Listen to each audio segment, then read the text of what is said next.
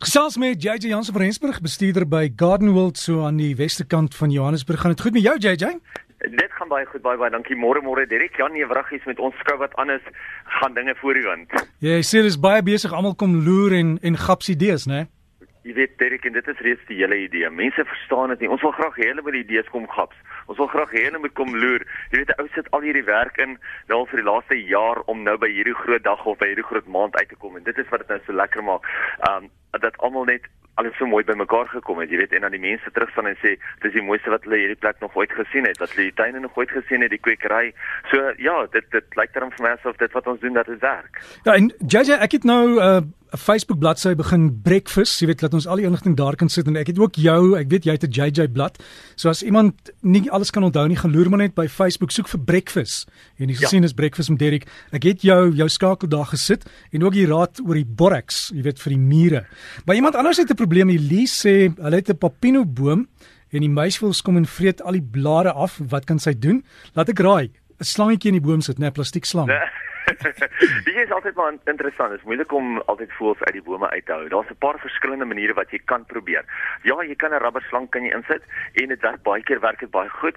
Ander voels lag hom nou weer net af en ander voels raak nou weer baie baie maklik om gewoond. Die ander ding is kyk jou beste raad teen voels in bome, veral in vrugtebome, is maar net om die boom self toe te maak met 'n net.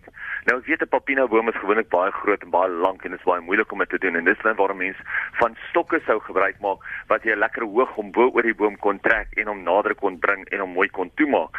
Die ander ding is natuurlik wat mense kan doen. Hulle hou oor die algemeen voorsou oor die algemeen nie van blink goed wat blink in die um in die in die boom nie. So mense kan miskien ook kyk of jy van daai um klein stukkie speeltjies of glas of wat ek al in die boom kan vasmaak. Dan sodra die uh, son op hom skyn, dan blink hy en dan verwilder hy hom ook so. Maar dis baie keer is dit net seisoonaal. Nou dat die bome nuwe blare uitstoot, wat hy nou skielik die blare gaan vreet en dan daarna gaan hy op en dan gaan daar baie meer ander blare wees wat hy ook kan vreet. So verwilder maar miskien net met 'n watergeweer of dalk met 'n tuinslang vereer en kyk maar net dalk gaan hulle vinnig na ander bome toe trek. Is hy vroegoggend ook 'n SMS gehad, vye wat opgekom het in die tuin, hulle het dit geplant as 'n laning, gaan daai vye kan kan dra later?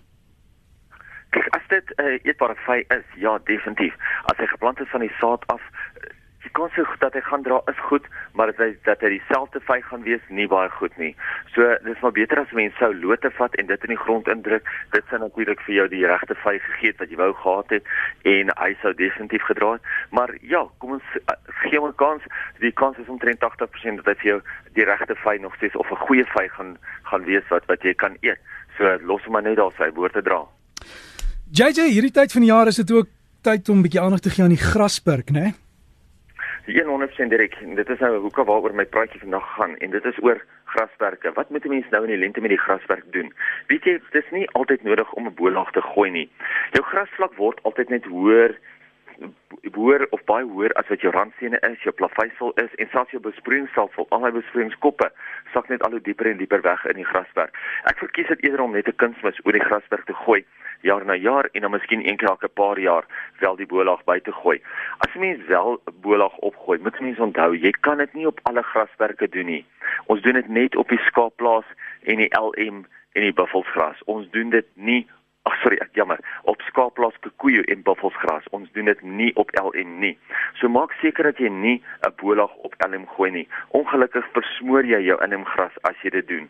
So wat jy moet doen is jy sny hom lekker kort met 'n swaailem grasnyer jy hard daai dik harde lote sommer los en jy sny hom weer in die nodig. Onthou, nou sny hom op sy korste. Jy maak eintlik jou gras redelik seer om dit te doen, want jy wil baie baie nuwe groei promoveer. Dan breek jy daai harde kors met die spitwerk of 'n tandroller. Onthou, ons wil seker maak dat die gras ook deur lig is. Dis die groot rede hoekom ons wel 'n 'n bolaag neergooi. Is nie net om vir die gras nuwe grond te gee, grond te gee om deur te groei nie, maar ook om die grasperk self te deurlig. Dit is hoekom as 'n mens nou deurgaan, jy breek hom los met 'n vurk of 'n tandroller en die sanderigheid, want ons gebruik meer 'n sanderige tipe bolaag, gaan in die gaatjies in, dan verbeter hy ook draai dreinering. Maak seker dat jy hom dan voer met 'n kunsmis. Iets soos 'n 3-2-1 werk baie goed. Ek hou baie van die organiese 5-1-5 en fertilis kombinasie, maar onthou, jy moet hom ook nou nie te dik gooi nie. 'n Baie dun bolaag is oor die algemeen genoeg en as dit nodig is, gebruik jy sommer 'n plank om alles gelyk mee te trek. So nadat jy hom gelyk gesny het of kort gesny het, jy gooi bietjie sand kan jy baie maklik gelyk trek met 'n met 'n plank. Baie belangrik dan om baie gereeld nat te maak vir die eerste maand of 6 weke ook nie te sny nie. So jy moet hom gereeld nat maak. So as jy in 'n droogte getuisterde area bly, moenie nou 'n bola gooi nie want jy gaan hom nie gereeld genoeg kan nat maak nie. Probeer eerder net om 'n kunsmis te gooi of 'n bemestingstof organies wat nie maklik gaan brand nie. Direk voor ek gaan wil ek vinnig net twee praatjies noem wat opkom hier by ons wat lekker interessant is. Sandy Roberts gaan op die 26ste Augustus, daai Saterdag, Margaret Roberts se dogter gaan hier met ons kom gesels oor hoe om jou eie eetbare plante en blomme vir jou lente tuin te kweek. So as jy daarvan hou om jou uit jou tuin uit te lewe, is dit nog 'n goeie praatjie om by te woon en dan die 2de September het ons 'n baie lekker chalk paint praatjie en dit is waar jy jou eie horlosie, jou muuurhorlosie gaan aan mekaar sit en gaan verf. So die mense kan loer op die Facebook en dan gaan dit sommer ook op jou breakfast Facebook sit dat die mense dit daar kan sien. Baie dankie JJ, alles van die beste en iemand net so te loops gevra, julle skou is môre ook oop, né? Sondag. Die skou is môre ook oop. Hy storie einde van die maand. So vir die van julle wat hom nog nie gesien het nie, julle het nog 'n paar weke kans, maar doen dit eerder vroeër as later. Hoe varser hoe beter. JJ sal vir my paar foto's asseblief op die breakfast Facebook plaas dan kan mense sien hoe lyk die tuine.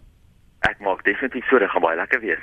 So gesels ons met JJ Jans van Rensburg. JJ het ook 'n e-pos as jy wil kontak maak is JJ by gardenworld.co.za. So JJ by gardenworld.co.za. Mag loer op Breakfast se Facebook bladsy. Soek maar net en hou van die groep en dan kan ons deesdae die inligting baie maklik met jou deel.